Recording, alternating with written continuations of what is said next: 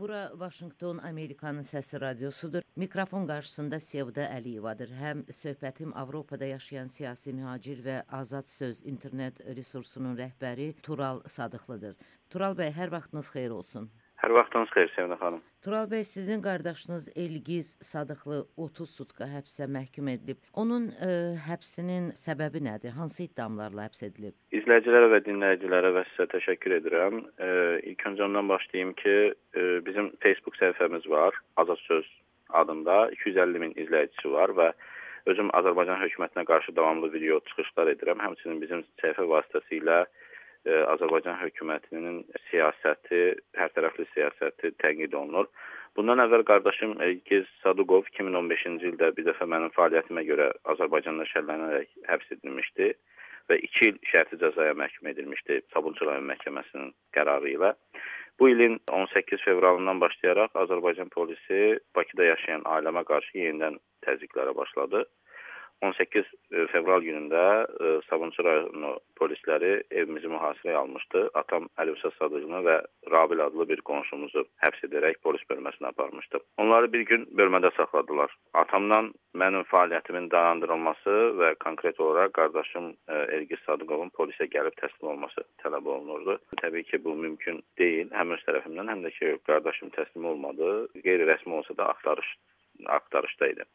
Bir gün sonra atam və qonşumuz azad edildi e, polisdən, amma təzyiq dayanmadı.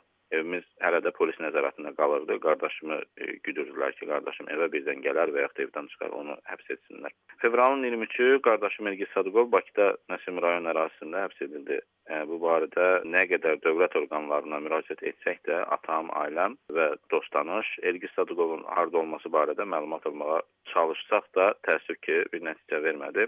Ailəm onu hətta təcridxanalarda axtardı, polis bölmələrində axtardı, Sabunçu rayonunun e, müxtəlif polis bölmələrində və polis idarəsində axtardı. 102 xidmətinə dəfələrlə zəng etdi, amma ə, e, hətta hə, ə, xəstəxanalarda belə axtardıq ailəm axtardı, amma ə, təəssüf ki, tapılmadı, nəticə vermədi bizim axtarışlarımız. Ən sonda Qırmızı Xaç Aypara Cəmiyyətinə müraciət etdi. E, onların vasitəsilə nəhayət ki, Elgi Sadıqovun harda olması e, müəyyənləşdi. Müəyyənləşdi ki, Binəqədi tədrisxanasında saxlayırlar. Amma bundan əvvəl dəfələrlə Binəqədi tədrisxanasına atam getmişdi və digər hüquq müdafiəçisi ilə bərabər ona söyləmişlər ki, burada deyil. Hətta e, Binəqədi tədrisxanasında Bakıda fəaliyyət göstərən jurnalist Rənat Babayev də tədrisxanaya salaraq onu e, həbs etmişdilər e, və sonra cəlmələyib buraxmışdılar. Deməli, e, qardaşım həbsindən 4 gün sonra, yalnız fevralın 27-sində dünən atam Əlövsət Sadıqlı onunla Binəqədi tədrisxanasında görüşmə imkanı əldə elədi görüşə bildi. Siz ə, e, Facebook səhifənizdə yazmışdınız ki, qardaşınız Elgiz 4 gün ərzində ə, e, döyülüb, işgəncələrə məruz qalıb. Bunu nə ilə izah edirlər? Hələlik heç bir izahat verilmir, heç bir şey söyləmirlər. Biz vəkil vasitəsilə bununla bağlı, onsuz da həbsi ilə bağlı apellyasiya e, məhkəməsinə müraciət edib bizim vəkil, Elgiz Sadıqovun vəkili İndi digər işgəncə ilə bağlı da müəyyən yerlərə, e, orqanlara məlumatlar verilibdir, müraciətimiz olacaq və şikayətimiz olacaqdır. Amma hələlik heç bir rəsmi açıqlama vermə, verməyiblər və düşünmürəm ki, də versinlər və təsdiq etsinlər ki, bəli, e, işgəncə vermişik. Amma qardaşım, e, atam söyləyir ki, qardaşım ə, Elgiz Sadıqovla görüşən zaman dayana bilmirdi, axsıyırdı, əlin hər dəfə ya sağına, soluna, qabırğalarına, böyrəyinə tuturdu yəni ağrılardan dayana bilmirdim. Qardaşım atama söyləyib ki, ona qarşı narkotik ittihamını təsdiqləmək üçün işgəncə altında narkotik tərkibli bir maye içirdiriblər. Ondan sonra da ekspertizi aparıblar. Bu e, çox güman ki, bu əvvəlcədən planlaşdırılmışdı ki, narkotik ittihamı irəli sürünsün və e, həmçinin polisə müqavimət maddəsi e, mən e, hüquqi tərəfini tam dəqiq bilməsəm də, amma e, son bildiyimə görə qanunda dəyişikliklər olubdu. E, narkotikin hansısa bir az tərkiblisi e, inzibatı cəzada hesab olunur. Yəni cinayətə e, cinayət məcəlləsi ilə tənzim olunmur.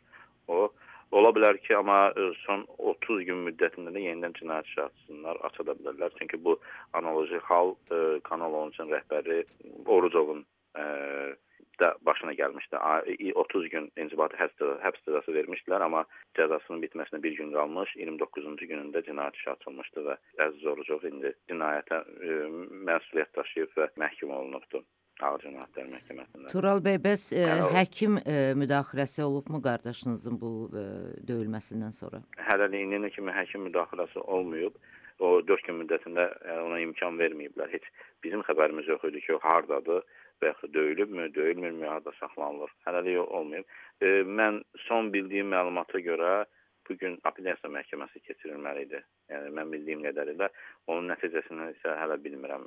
Apellyasiya məhkəməsinin nəticəsi nədir bilmirəm onu. Tural bəy, bəs sizin ailədən sizdən imtina etmək ə, tələbi ə, irəli sürülübmü onlara? Yox, e, bildiyim qədər e, elə bir e, tələb təklif olmayıb. Çünki e, mən düşün, düşünmürəm ki, bu təklifi etsinlər mənim ailəmə. Çünki bilmirəm izləyicilər izləyibsə, atam e, həbs olunmamışdan, qardaşım həbs olunmamışdan e, əvvəl biz e, Azad söz səhifəsində canlı yayımda idik. E, hansı ki, həmin ərəfədə elan vermişdik ki, polislər e, bizim evimizi e, mühasirəyə alıbdı. Həmin ərəfədə biz canlı yayıma çıxdıq Azad söz səhifəsində və bir təxminən 1 saata yaxın canlı yayım oldu və mən atamla danışdım və izləyicilər də izlədi.